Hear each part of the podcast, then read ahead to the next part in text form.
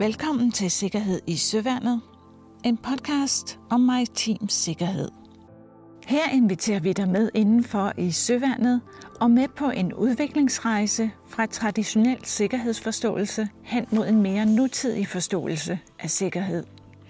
Det er den opgave, som Task Force Sikkerhed har. I denne episode vil vi tale med to eksperter inden for maritim ulykkes efterforskning, nemlig Øsur Hildoberg, som er undersøgelseschef i den maritime havarikommission, og Christian Eris Thorsen, som er havariundersøger i Forsvarets skibshavarikommission. De to vil forklare, hvordan forskellen på sikkerhed 1 og sikkerhed 2 bliver afspejlet i den måde, vi forstår og forklarer ulykker på. Interviewer er Annette Halstrøm. Jeg hedder Øsur Hildeberg. Jeg er undersøgelseschef i den maritime havarikommission. Det er en selvstændig kommission i Erhvervsministeriet, som har til opgave at undersøge ulykker på danske skibe over hele verden, og udlandske skibe, der får ulykker i danske, grønlandske og færøske farvande. Og som undersøgelseschef er jeg selvfølgelig ansvarlig for, at vi får lavet de undersøgelser, vi skal lave i henhold til lovgivningen, og at det bliver udført i henhold til lovgivningen og i henhold til de internationale standarder, der er for, for ulykkesundersøgelser. Og hvor længe har du haft den rolle? Jeg har været undersøgelseschef i øh, 12 år, og arbejdede så også med ulykker i sådan cirka et år før. Havrekommissionen er heller ikke meget mere end 13 år gammel, så det er en ny kommission øh, i den forstand. Øh, og jeg har faktisk været der fra starten af. Hvis vi så snakker lidt om det her øh, begreb safety 1, safety 2, sikkerhed 1, sikkerhed 2. Hvad er med dine egne ord den største forskel på sikkerhed 1 og sikkerhed 2? Inden jeg svarer på det spørgsmål, og vi spoler lidt tilbage, så skal vi forstå et koncepterne sikkerhed 1 og sikkerhed 2 på baggrund af 20-30 års forskning på området, som for nogle år siden kulminerede for især en forsker øh, i en præsentation af sikkerhed på to forskellige måder, som så blev kaldt sikkerhed 1 og sikkerhed 2. Det er lidt arbitrært, det blev kaldt det, det kunne have kaldt alt muligt andet. Det er en måde at opstille to forskellige grundlæggende måder at tænke sikkerhed på.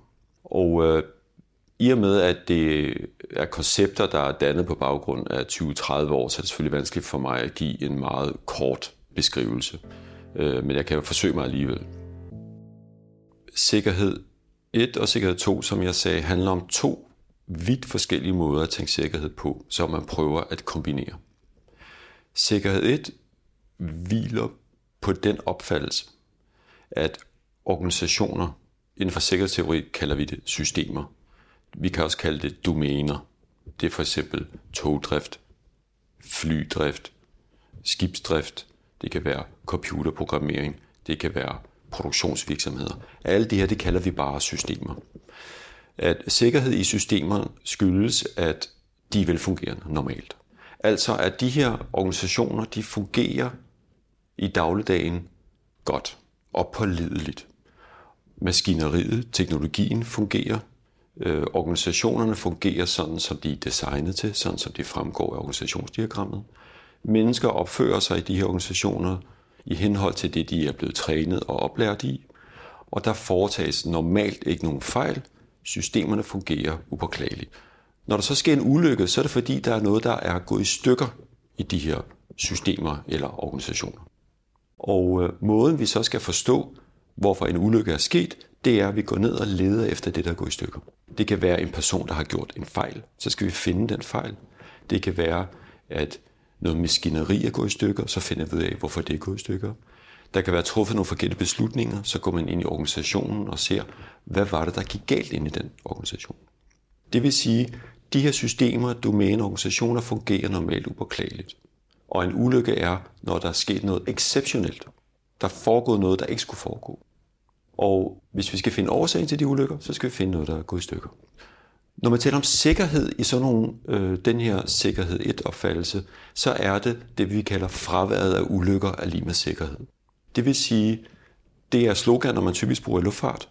Det er sikkert at flyve, fordi der sjældent eller aldrig sker en ulykke. Fraværet af ulykker er lige med sikkerhed. Sikkerhed 2 er noget helt andet. Der betragter vi ikke teknologi som pålideligt. den fungerer aldrig rigtigt, men den er heller aldrig rigtig gået i stykker. Der er altid nogle problemer med teknologien. Mennesker er fejlbarlige, de begår fejl fra tid til anden. Organisationer fungerer aldrig rigtigt, som de står tegnet i organisationsdiagrammet. Der sker alle mulige andre ting, som ikke er synlige, hvor folk arbejder på måder, som ikke er beskrevet. At systemer og domæner er naturligt upålidelige, men mennesker i deres dagligdag får det til at fungere. Det er menneskers adaptive adfærd, der skaber stabilitet. Man kan sige, at øh, mennesker i de organisationer er linedansere, der skaber balance imellem den upålidelige teknologi, organisationer, der ikke fungerer, som de plejer, målkonflikter, mangel på træning, mennesker, der begår fejl. De går rundt og reparerer organisationen hele tiden, og det er det, sikkerhed er. Det vil sige, at sikkerhed er ikke fraværet af ulykker, fordi vi interesserer os som sådan ikke for ulykker. Det vi interesserer os for, det er at forstå, hvordan i mennesker i deres dagligdag skaber en ligevægt i de her systemer, således de fungerer. I den her sikkerhedsopfattelse, der sikkerhed 2 altså, der er vi ikke så interesseret i ulykker som sådan. Vi interesserer os for, hvordan undgås ulykker til dagligt. Vi er heller ikke interesseret i at tælle ulykker, fordi de fortæller os egentlig ikke så meget, fordi vi ved jo godt, at ikke noget fungerer. Så vi vil måle sikkerhed eller betragte sikkerhed ved at forstå menneskers adaptive adfærd. Og det er det to forskellige paradigmer, kan man sige, at forstå sikkerhed på. Den ene, fraværet af ulykker er lige med sikkerhed. Det er sikkerhed 1. Sikkerhed 2 handler om, hvordan er vi gode til det, vi går og laver. Og hvis vi kan forstå det, og gøre mere af det, så undgår vi ulykker. Og det lyder nemt, ja. men det er det ikke. Øh, nej, det kan man sige, det ikke er. Fra et styringsperspektiv kan det her synes vanskeligt at forstå, hvorfor det er, at ting går godt. Lad mig lige eksemplificere det, for nogle eksempler nogle gange kan tydeliggøre det. For de fleste organisationer falder det dem ret let at forklare, hvorfor noget går galt i deres organisation. Og det er fordi, de anvender sådan en reduktionisme. At de går ned og finder det her, der er gået i stykker, eller det, som de ikke kan lide skete, og så bliver det en årsag. Så det falder de fleste organisationer ret let at finde ud af, hvorfor noget går galt. Men hvis jeg omvendt spørger en organisation, okay, nu vil vi forklare, hvorfor det gik galt. Kan I forklare mig, hvorfor det går godt til dagligt så? Så falder det de fleste organisationer meget svært.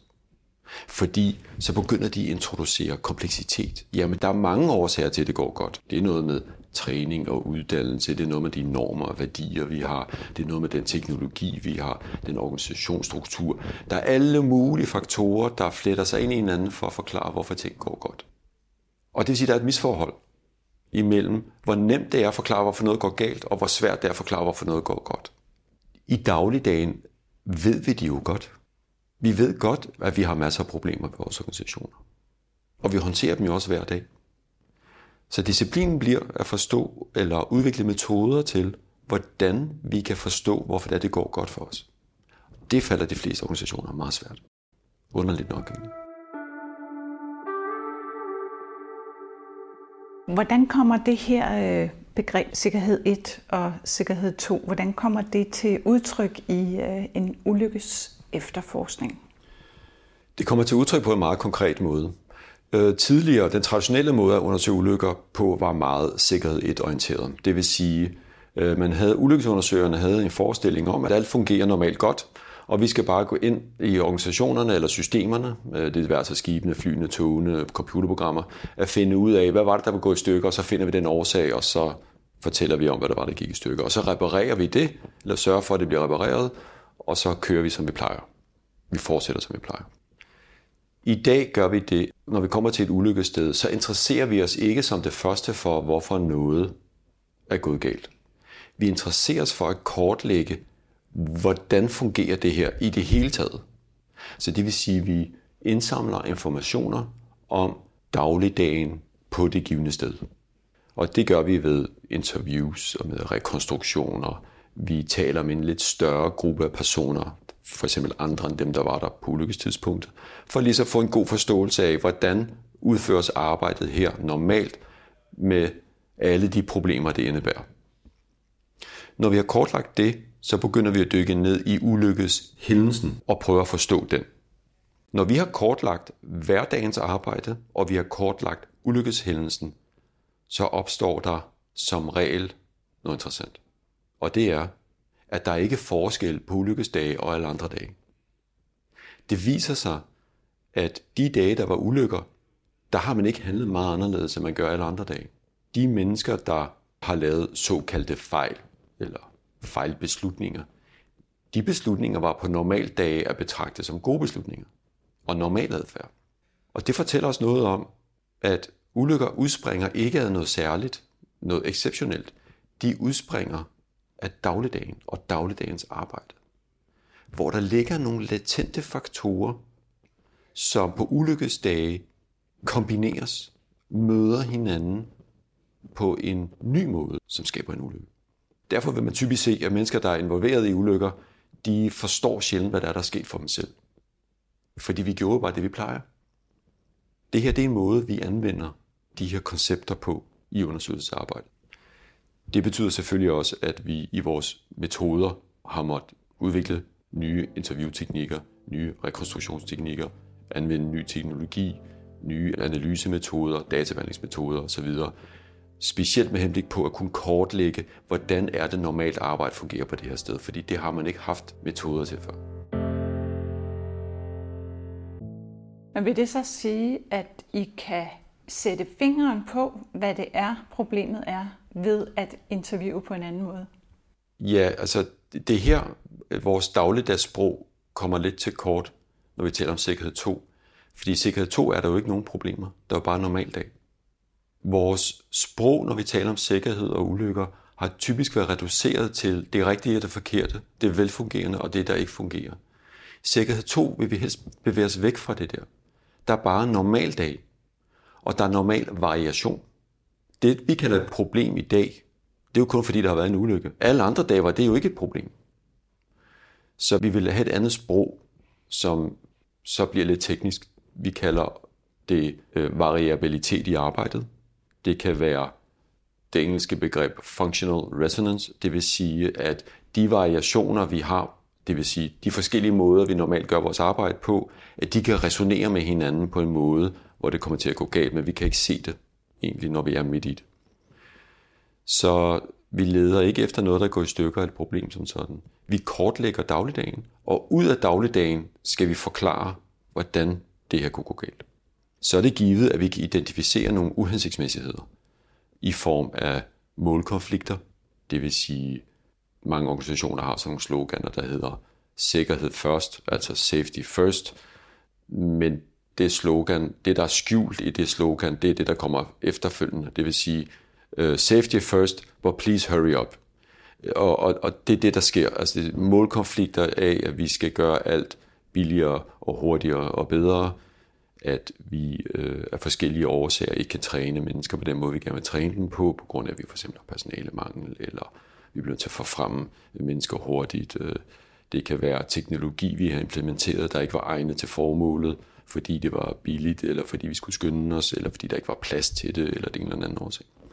Og der er mange sådan nogle øh, problemer i alle organisationer, de er der hele tiden, fordi vi arbejder under et øh, effektivitetspres selvfølgelig, øh, kontinuerlige forbedringer, organisationsforandringer, og de problemer, dem håndterer vi til dagligt, men nogle gange, så bliver det for meget, og så går det galt. Og det er det, vi kortlægger øh, og kan beskrive på en måde, hvor organisationer kan lave lidt om på den måde, de arbejder med nogle processer på.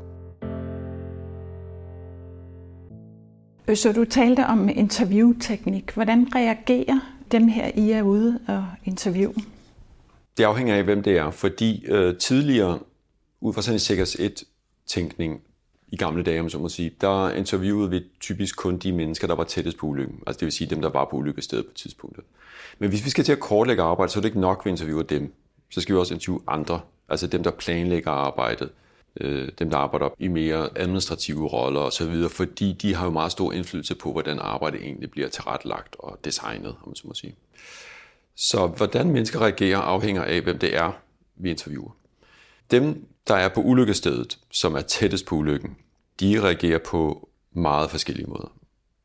Afhængigt af ulykkestypen og hvor voldsom den har været. de er selvfølgelig traumatiseret. Hvis der går lidt længere tid efter ulykken, så er det posttraumatisk stress, de er ude i. Så de reagerer på meget øh, emotionelle forskellige måder. Ikke? Men det er selvfølgelig der, at undersøgerne er trænet i at forholde sig til det. De er selvfølgelig også trænet i at forholde sig til, at mennesker husker ikke begivenheder lineært.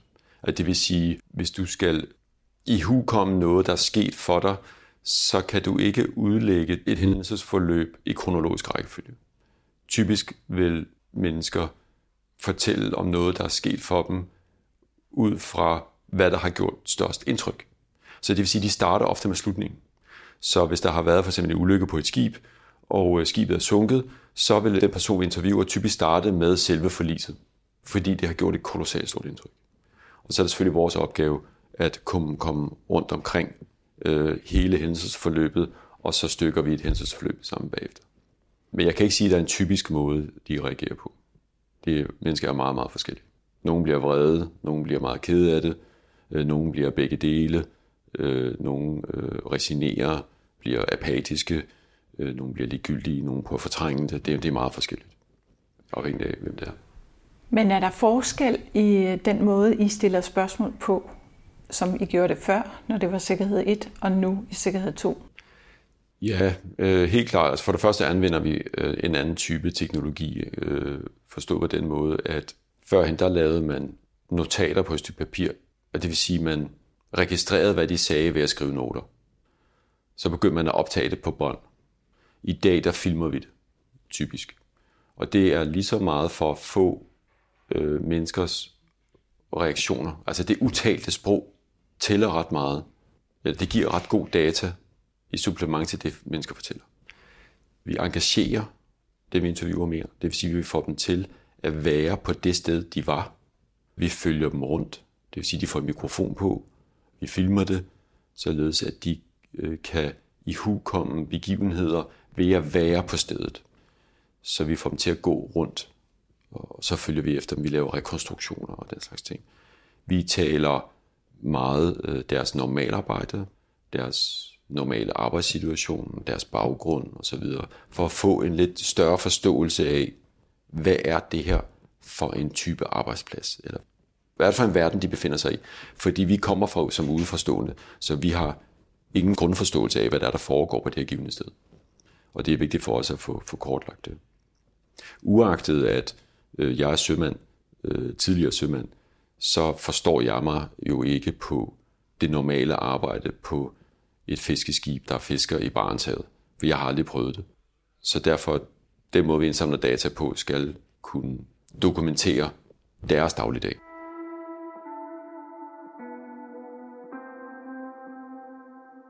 Hvis jeg nu læser en ulykkesrapport, vil jeg så kunne afkode forskellen i, hvordan det var skrevet? Ja, altså der er sket en øh, kolossal stor udvikling, øh, især inden for de sidste fem år. Idealet for den klassiske ulykkesrapport var en objektiv fortælling om, hvad der skete, hvorfor det skete. I dag der anvender vi i meget høj grad det, vi vil kalde perspektivforskydninger. Det vil sige, at hvis vi skal forstå, hvordan mennesker normalt arbejder, hvad arbejdspraksis er, og hvordan ulykker kunne udspringe den arbejdspraksis, så skal vi jo sætte os i de menneskers sted. Og hvis vi skal forklare det, så gør vi det bedst ved at lave en ulykkesfortælling, der tager udgangspunkt i deres perspektiv. Så derfor vil man typisk i vores rapporter se en ulykkesfortælling, at det vil sige, hvad skete der på dagen. Det vil tage udgangspunkt i deres perspektiv. Hvad de oplevede. Deres fornemmelse af tid. Deres fornemmelse af fare. Deres fornemmelse af, hvornår de fik noget at vide, der var vigtigt for dem og ikke. Hvilke beslutninger de traf, og hvorfor de gjorde det. Hvorvidt det er rigtigt eller forkert, ud fra et objektivt syn, er sagen ret udkommende. Fordi vi er jo interesserede i at forstå et hændelsesforløb, der bliver drevet af de mennesker, der var der. Og den måde, de oplevede verden på. Med udgangspunkt i den subjektive fortælling, kan vi begynde at udfolde, hvorfor opfattede de verden på den måde, de gjorde. Det er det, der er vores opgave at forklare med forskellige teknikker. Fordelen ved det her er selvfølgelig, at vi kan få en bedre forståelse af, hvordan ulykker udspringer af dagligdagen. Men der er også en anden meget vigtig pointe ved at gøre det på den måde. Det er, hvis vi nu havde lavet en objektiv fortælling om hændelsesforløbet, som om at de involverede var fuldt ud informeret om, hvad der skete, så foranledes læseren til at vurdere de involveredes adfærd som irrationel. Som, men de skulle da bare have gjort noget andet på, så havde det her jo ikke sket. Jamen se, der var al den her information til rådighed. Hvorfor gjorde de ikke bare ditten eller datten? Det vil sige, at de rapporter har en tendens til at gå hen og blive meget, det vi vil kalde normative. Altså fordømmende og evaluerende. Den fælde falder man ikke i, når vi begynder at forstå, hvordan de så verden på det tidspunkt, med de informationer, de havde til rådighed på det givende tidspunkt. Så begynder vi at få mere sympati for, hvorfor tingene måtte udvikle sig på den måde, som de gjorde. Og det har gjort en væsentlig forskel. Ikke alene i forhold til den måde, vi forstår ulykker på og præsenterer dem på, men også for de mennesker, der er involveret. De kan se sig selv i rapporten. Organisationerne har en tendens til at kunne se sig selv i rapporten og genkende sig selv. Det står mere tydeligt frem, hvordan organisationer på mange måder er dysfunktionelle, og mennesker til daglig går hen og får dem til at være funktionelle. Så man kan faktisk sige, at øh, omverdenen også reagerer anderledes på de her rapporter, fordi de kan se det fra en anden synsvinkel. Jeg vil sige, at de mennesker, udefrastående mennesker, der læser rapporterne nu, læser dem mere nådigt. Med mere empati for de mennesker, der var der. Der er dog det problem, at de mennesker, der ønsker at læse en rapport med henblik på at placere et ansvar på nogle skuldre, de kommer til at mangle noget. Fordi rapporterne vil uundværligt ende med, at det ikke er nogen skyld. At det var et naturligt biprodukt. Altså at ulykken var et naturligt biprodukt af den måde, vi gør tingene på. Så hvis man er interesseret i at placere et ansvar, det vil altså et moralsk ansvar, et professionelt ansvar, et øh, mere strafferetligt ansvar, et civilretligt ansvar, de kommer til at mangle noget, fordi det var ikke nogen skyld. Og det er ofte et eminent behov for mange mennesker at placere et skyld og ansvar for noget, der er gået galt. Og for de mennesker er det utilfredsstillende læse. Hvordan håndterer I det? Det gør vi ikke. Øh, vi håber på, at efterhånden som tiden går, og at diverse brancher, og især i det domæne, jeg befinder mig i, den maritime verden, at øh, man begynder at få større og større forståelse af nytten i at forstå, hvordan vi gør tingene, og hvorfor ting går galt, øh, og begynder at forstå, at vi lærer ikke noget af, og vi får meget lidt ud af at placere skyldansvar. Det er ikke det samme som, at det ikke er et samfundsmæssigt behov, men det er bare ikke vores opgave. Det må så være op til, i søværnet vil det være auditørkorpset, i, øh, i den civile verden vil det være øh, tilsynsmyndighederne og anklagemyndigheden. Hvordan vil du beskrive sikkerhed? Det er meget øh, utaknemmeligt at bede mig svare på det spørgsmål, fordi for en person, som arbejder med sikkerhed, så giver ordet eller begrebet sikkerhed ikke særlig meget mening, fordi det kan betyde utrolig mange ting, afhængigt af hvilken kontekst vi taler om det.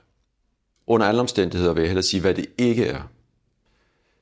Sikkerhed handler ikke så meget om fraværet af ulykker. Det er en måde at tænke sikkerhed på, som man i de fleste domæner, og i hvert fald i forskningen, er gået væk fra. Altså at fordi vi ikke har nogen ulykker, så er det lige med sikkerhed. Øh, fordi for dem, der har, har svært ved at forstå, hvordan det kan være sådan, så lad mig måske komme med nogle illustrerende eksempler. Jeg købte en bil for nogle år siden, og i den bil, den øh, har jeg aldrig været i en ulykke med.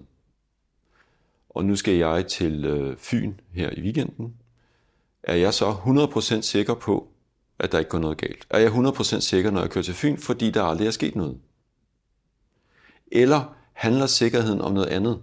Altså kan jeg føle mig ret sikker på at komme sikkert frem til Fyn på grund af nogle andre ting. Nemlig at det er en bil med airbags, at den har sikkerhedsseler, at jeg overhaler aldrig lastbiler i regnvejr, at øh, børnene er spændt i med øh, børnesæder, øh, jeg vil ikke have, at nogen taler til mig, mens jeg kører bil, Øh, jeg drikker ikke øh, alkohol, inden jeg skal køre bil. Jeg blinker altid ud. Jeg overhaler ikke indenom. Jeg holder hastighedsbegrænsningen. Jeg sætter altid hastigheden ned til minimum, hvis der er nedsat sigt. Det vil sige, at jeg tilpasser mig miljøet, jeg er i. Det er derfor, jeg føler mig sikker. Det er ikke det, at jeg aldrig har haft en ulykke som sådan. Det er intuitivt for de fleste, det må være på den måde. Det kan vi godt skal lære op. Vi kan ikke måle sikkerhed i en organisation ved at tælle, hvor mange ulykker de har haft tidligere, og så på den baggrund tro, at så sker der sikkert heller ikke en ulykke i morgen. Faktisk lige modsat. De store katastrofer, vi har haft på boreplatforme, passagerskibe og fly, de sker altså for de virksomheder og organisationer, som har en meget god sikkerhedsstatistik. Men de her ulykker, når de så sker, og man begynder at undersøge dem, så ser vi, at ulykkerne udspringer af netop det, de gør til dagligt, der gør dem gode. Det, der gør dem effektive, billige, konkurrencedygtige. At ulykker er et biprodukt. Så hvis jeg skal sige, hvad er sikkerhed for noget? Jamen sikkerhed er vores, og når jeg siger vores, det er altså organisationers evne til at håndtere de variationer, der måtte være, de udfordringer, der er i deres dagligdag tilpasningsevne. I moderne sikkerhedsteori vil man kalde den her tilpasningsevne også resilience, altså hvor resiliente er virksomheder til at imødegå de variationer og de trusler, der måtte opstå. Tilpasse sig til skiftende omstændigheder. Det er det, sikkerhed handler om.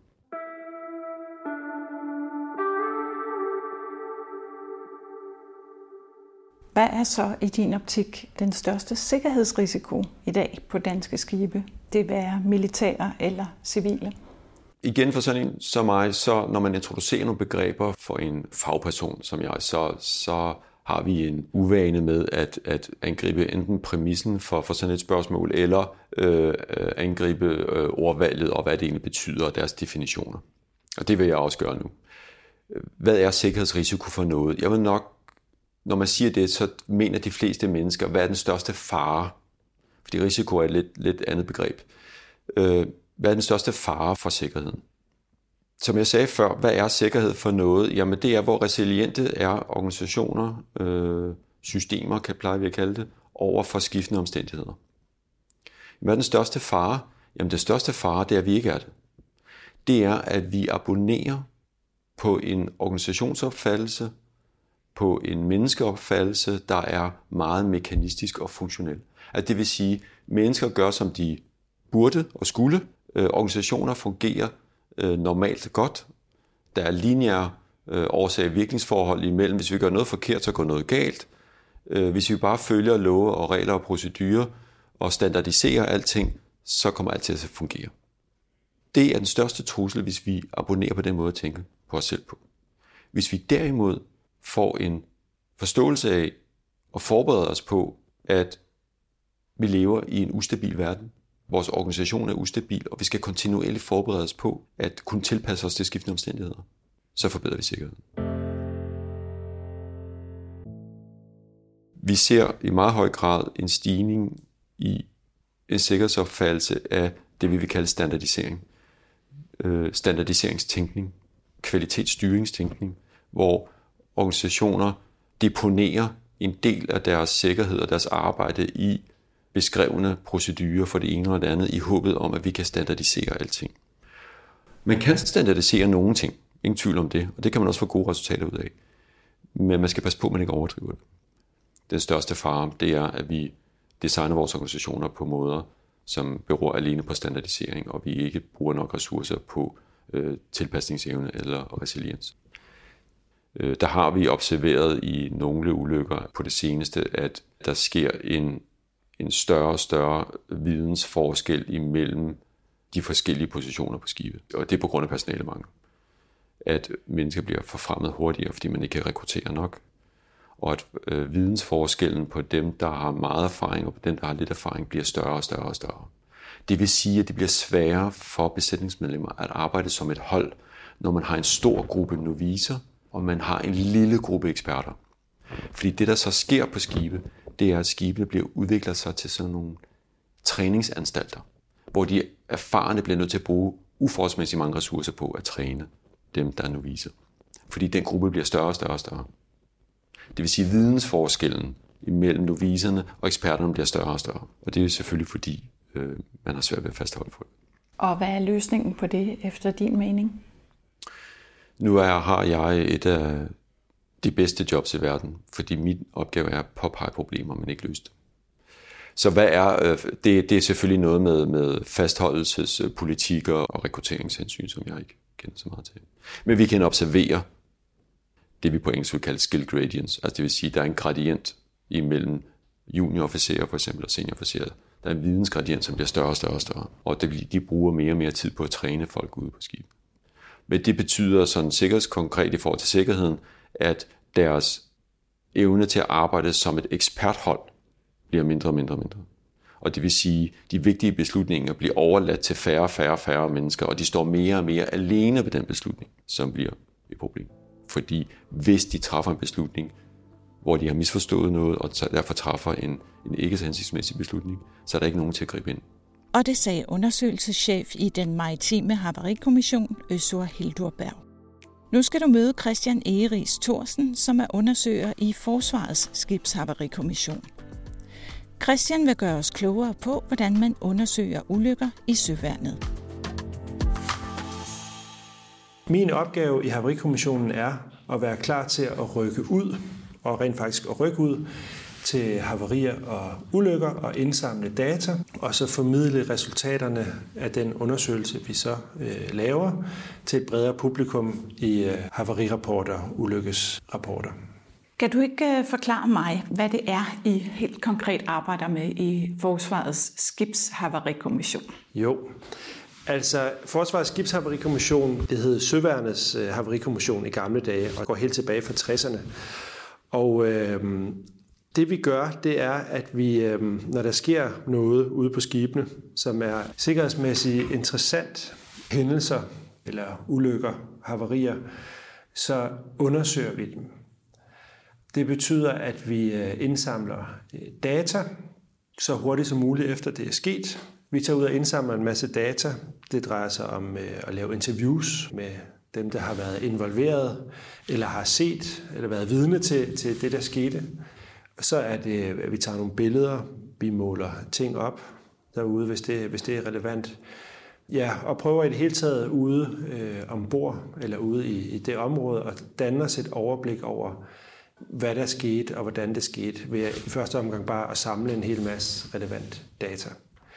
Det er jo sådan, at på skibe i dag, der er der en øh, Voyage Data Recorder, og uh, den, det er også noget af det data, der er meget vigtigt, fordi der får vi uh, radarbilledet. Vi kan se, hvad, uh, hvis det er et havari, en, en kollision for eksempel, eller en, en, en grundstødning, jamen så kan vi via det her materiale rekonstruere den situation, eller det hændelsesforløb, der, der var op til det, der skete. Er det ligesom øh, flyets sorte boks, som vi altid hører? Ja, det kan man sige. Det er meget det samme. Forsvars Skibshavarikommission. Hvem består kommissionen ellers af? Kommissionen består af en formand, og det er hendes majestæt dronningens jagtkaptajn.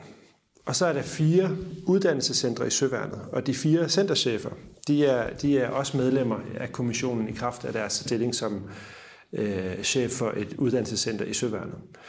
Og så er der to særligt udpegede medlemmer, og, så, og de er medlemmer i kraft af deres kompetencer, ikke, ikke i kraft af hvilken primær stilling de har. Og endelig så er der en sekretær. Og de medlemmer, jeg lige har nævnt her, det er de medlemmer, som varetager kommissionsarbejdet ved siden af havne tjeneste.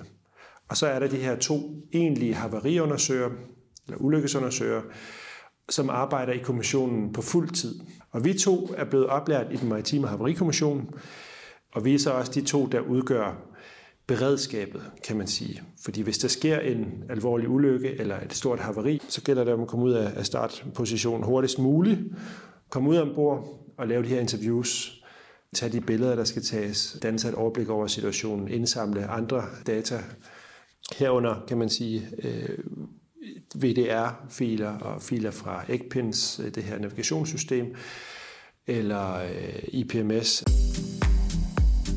Faktaboksen. IPMS, det betyder Integrated Platform Management System. Det er et system til overvågning og styring af skibets grundlæggende tekniske systemer. Og med den lille oplysning tilbage til interviewet med Christian og så få det med hjem og så begynde at datasortere på det og få et overblik over, over det, alt, det, alt det, man har indsamlet. Og så kører processen videre derfra. Det lyder på mig som udeforstående som en enorm opgave. Det er det også. Det er en enorm opgave, og det, der er særligt svært i den indledende fase, når man skal ud og indsamle data, det er, at man meget hurtigt forsøger at se meningssammenhængen i de små brudstykker, man får.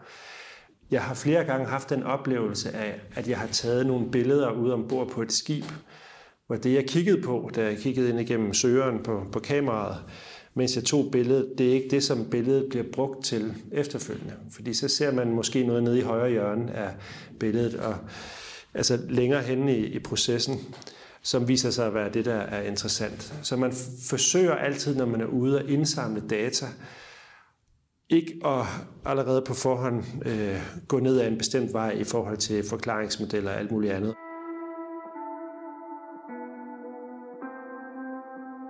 Er der forskel på, hvordan man undersøgte ulykker sådan for fem år siden og så nu, for eksempel? Ja, det vil jeg sige, der. Altså, jeg, jeg vil faktisk sige, at vi er gået fra traditionel haveriundersøgelse til moderne haveriundersøgelse. Vi skal ikke særlig langt tilbage i historien for at finde eksempler på det, jeg kalder traditionel ulykkesundersøgelse i Haverikommissionen. Den indledende signalrapport, som skibet sendte, når der var sket et øh, havari, haveri, det var ofte tilstrækkeligt for den kommission, jeg sidder i. Tilstrækkeligt på den måde, at øh, opgaven, som man forstod den dengang, det var at, altså, at sammenholde den med bestemmelser, procedurer, instrukser, fagbøger. Og ved at sammenholde de her to ting, så kunne man sige, jamen, hvor er der, hvor er der match, og hvor er der konflikt? Altså, hvor, hvor, hvor lever det, de gjorde, ikke op til bestemmelser, procedurer og instrukser? Så kunne man så komme med en forklaring på, hvorfor det her det var sket. Uden at tale med folk? Uden at tale med folk.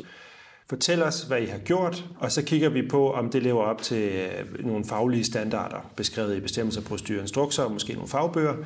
Og hvis ikke det gør det, jamen så, øh, så har vi et godt udgangspunkt på at give en forklaring på, hvorfor noget gik galt. Og så var opgaven, eller konklusionen var en eller anden form for adfærdsevaluering, hvor der indgik termer som godt sømandskab, mangel på situational awareness. Det bliver tit meget øh, normativt, altså at øh, kloge i land fortæller de mindre kloge ude ombord på skibene, hvad de burde have gjort, og, og der ligger så også det kontrafaktiske, altså hvordan noget kunne have udviklet sig på en anden måde, hvis nogen havde gjort noget andet. Rorgængeren burde have gjort opmærksom på, hvis vagtchefen havde holdt øje med ekoløjet, så ville han være blevet opmærksom på. Og sådan nogle termer finder man rigtig meget i traditionel øh, ulykkesundersøgelse. I moderne ulykkesundersøgelse, der afholder vi os, altså man udsætter sig selv for nogle benspænd. Lidt ligesom, hvis man forestiller sig, at man skal lave en dogmefilm, at man laver nogle regler for, at der er noget, du ikke må bruge. Et kamerastativ eksempelvis. Så siger vi her, at der er nogle, nogle knep, nogle, nogle metoder, som vi ikke må gøre brug af. Øh, og det ene er de her kontrafaktiske forklaringer. Altså, hvis skibet havde gjort noget andet, eller skib, hvis skibet var sejlet nord om de britiske øer, så havde skibet aldrig mødt det her lavtryk. Fordi det ved vi dybest set ikke noget om.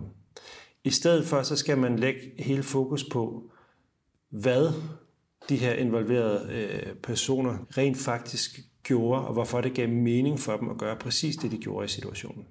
Så det, det er den data, vi går ud og koncentrerer os om at indfange så, så hurtigt som muligt efter ulykken er afsluttet. Og når jeg siger afsluttet, så er det fordi nogle gange, så kunne man godt forestille sig, at øh, et skib stadig står på grund, og der er redningsaktioner i gang osv. Og så skal vi jo ikke ud og forstyrre det her arbejde. Handler det ikke meget om interviewteknik, altså hvordan man stiller spørgsmålene? Jo, det her, den interviewdata betyder rigtig meget i det efterfølgende arbejde med at beskrive et hændelsesforløb og udfolde en egentlig undersøgelse, og så endelig, øh, kan man sige, komme med nogle forklaringer på, hvad der skete øh, og nogle læringspunkter. Der, der bespiller interviewdata øh, en kæmpe stor rolle. Vi plejer også at sige, at selve hændelsesforløbet, det forsøger vi at beskrive indefra, altså fra de involveredes perspektiv. Så kan det godt være, at hvis der er flere aktører, at vi bliver nødt til at skifte de her perspektiver fra dem, der sidder i gummibåden, til dem, der står på broen, og dem, der står nede på sidedækket. Men, men det er fra de involveredes perspektiv, hvor der, hvor der før i tiden var en tendens til, at man beskrev ting fra den alvidende fortællers perspektiv. Men Christian, hvis I nu kommer ud, og det er fuldstændig, altså det kan jo være åbenlyst, at der er begået en fejl, hvad så? Det ser vi igen og igen. Ulykken skyldes en menneskelig fejl, og derfor så kan vi ikke lære noget af det. Endda nogle gange, at øh, skibscheferne selv skriver det øh, i slutningen af deres indledende øh, signalrapporter. Og der var det så før i tiden sådan, at det, det stillede man sig tilfreds med. Altså når vi har fundet den tekniske eller den menneskelige fejl, så er vi færdige med undersøgelsen. Fejl som forklaring på utilsigtede hændelser. I dag vil vi sige i moderne ulykkesundersøgelse, at øh, hvis nogen siger, at de har begået en fejl, så er det begyndelsen på undersøgelsen, ikke afslutningen. Så hvis jeg lukker døren ind til et luk af på et skib, hvor vi, jeg skal gennemføre et interview, og vi sætter os ned, og jeg tænder diktafonen, og så siger personen til mig, det er mig, det er min skyld, det skete. Øh, jeg begik en stor fejl. Og det, det har jeg faktisk oplevet øh, op til flere gange. Så siger jeg jo ikke, jamen super, så behøver vi ikke spille mere tid på, på det her. Så synes jeg jo bare, det er interessant, at han øh, siger øh, det her. Og så begynder jeg at spørge, nå okay, hvorfor, hvorfor tænker du det? Øh, måske starter jeg også med at, at sige, jamen det vil jeg rigtig gerne høre mere om, men lad os lige starte sådan helt forfra. Hvad er din rolle ombord? Hvordan ser en normal dag ud på den her arbejdsplads? Øh, hvilke opgaver løser du? Og, og så videre, og så videre. Så på den måde ender det som regel med, at vi lidt får opløst den her fejl i et større netværk af meningsfulde handlinger, som, som der er en masse gode grunde for, at de er, som de er.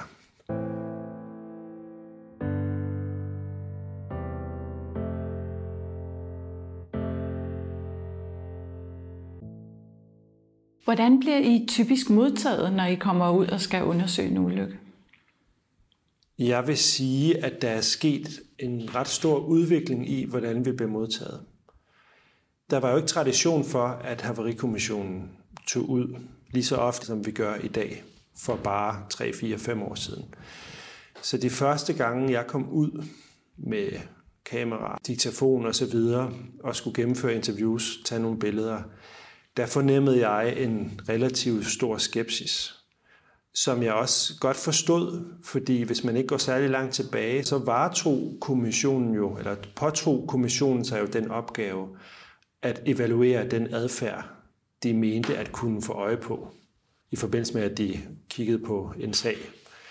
Øhm, så så jeg, forstod, jeg, jeg forstod godt, da jeg kom ud og mødte den skepsis, at den var der og baggrunden for den. Og der vil jeg så sige, at i dag, når vi kommer ud, også nu er der kommet nogle rapporter ud, efter den her moderne metode her, eller mere moderne metode, og der kan folk jo se, at de her rapporter er renset for adfærdsevaluering. Øh, og det tror jeg sammen med den her fortælling og den oplevelse er med til at gøre, at sige, okay, vi kan faktisk godt, øh, vi kan godt fortælle, hvad vi har oplevet. Vi skal ikke være bange for, at det bliver brugt imod os. Så, så jeg oplever i dag, når vi kommer derud, at vi faktisk bliver modtaget øh, meget positivt.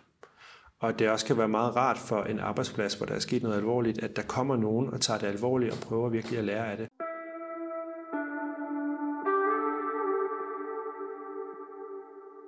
Hvordan tror du så, at den her nye og mere moderne måde at undersøge ulykker kan have af betydning for selve sikkerheden?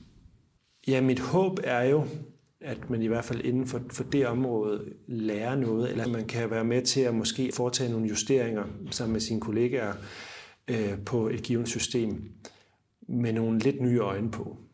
Så du vil faktisk sige, at det forbedrer sikkerheden for skibene? Det er mit håb. Altså man kan sige, at en rapport fra vores side alene hjælper jo ikke særlig meget. Men, men alle dem, der har været involveret i det, dem, dem har vi jo også en masse berøring med undervejs i den proces. Og det tror jeg faktisk betyder mere, end man, end man lige uh, tror. Hvornår giver dit job som havariundersøger allermest mening? Jeg synes, en god oplevelse, en, en god dag på kontoret, øh, det vil jeg faktisk sige, det er så ikke engang på, på kontoret, men det er, når man er ude og underviser officers elever et par gange om året. Og i afgangsklassen, der laver vi typisk noget case-baseret undervisning. Og der har jeg oplevet to gange, at man underviser i en case med et skib, der sejlede et bestemt sted, og der skete nogle ting, hvor det viser sig, at nogle af de officerselever, kadetter, faktisk har været med på den her tur, hvor et eller andet skete. Og så få den tilbagemelding, at når de kommer og siger til mig, vi var, med på vi var faktisk med på den her tur, og vi så det her sådan lidt fra sidelinjen øh, udspille sig, og det var det, det, det du beskriver der, det er det, vi oplevede. Fordi så, så er det noget, der er lykkedes. Hvis du kan skrive en haverirapport, hvor alle involverede siger, det var det, der skete, det var det, vi oplevede. Vi er ved at nå ved vejs ende, men jeg vil gerne lige spørge dig, hvordan er snitfladerne mellem Task Force Sikkerhed og så Havarikommissionen? Ja, altså man kan sige, øh, vi er jo lidt ved at finde vores ben i den her moderne måde at undersøge ulykker på. Og Task Force Sikkerhed har jo heller ikke sådan en lang tradition i øh, Søværnskommandoen. Men det er helt åbenlyst, at vi har mange snitflader. Man skal holde sig for øje, at vi skal selvfølgelig være uafhængige af Søværnskommandoen.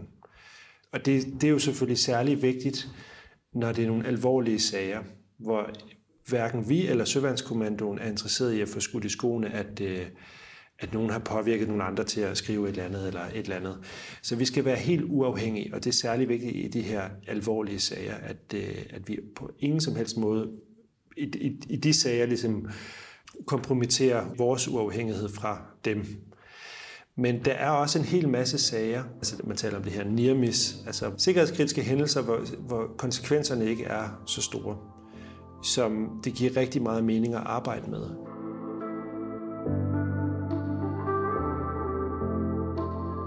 Hvad er din vision for maritim sikkerhed i fremtidens søværn? Min vision for maritim sikkerhed i fremtidens søværn, det er, at med nogle af de her nye teknologier eller forståelse af sikkerhed, at vi får udviklet nogle koblinger mellem de mere traditionelle forståelse af sikkerhed og de moderne forståelse af sikkerhed på en måde, som med så lidt byråkrati som muligt skaber så meget sikkerhed som overhovedet muligt. Og på den helt store klinge, så er visionen her, at det vi kalder det blå Danmark, hvis man går ud og spørger dem, en eller anden relevant aktør på området om 10 år, hvor man skal tage sin officersuddannelse, hvis man, vil, øh, hvis man virkelig vil noget på sikkerhedsområdet. At de så svarer, jamen, så, skal du, så skal I sende jeres, øh, så skal de en tur ind omkring øh, søværnet. Fordi de kan noget med maritim sikkerhed, som ingen andre i Danmark kan. Ja, så det er min, det, det er min vision, at, øh, at søværnet kommer fra at have været et stykke tilbage i bussen, kommer helt frem i bussen på det maritime sikkerhedsområde. Og det tror jeg vil tjene organisationen på mere end en måde. Også på fastholdelse og rekruttering.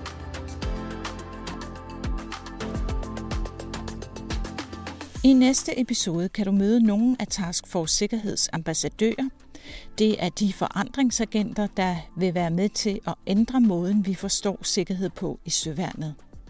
Tak fordi du lyttede med. Vil du vide mere om at arbejde hos os, så kan du læse mere på forsvaret.dk.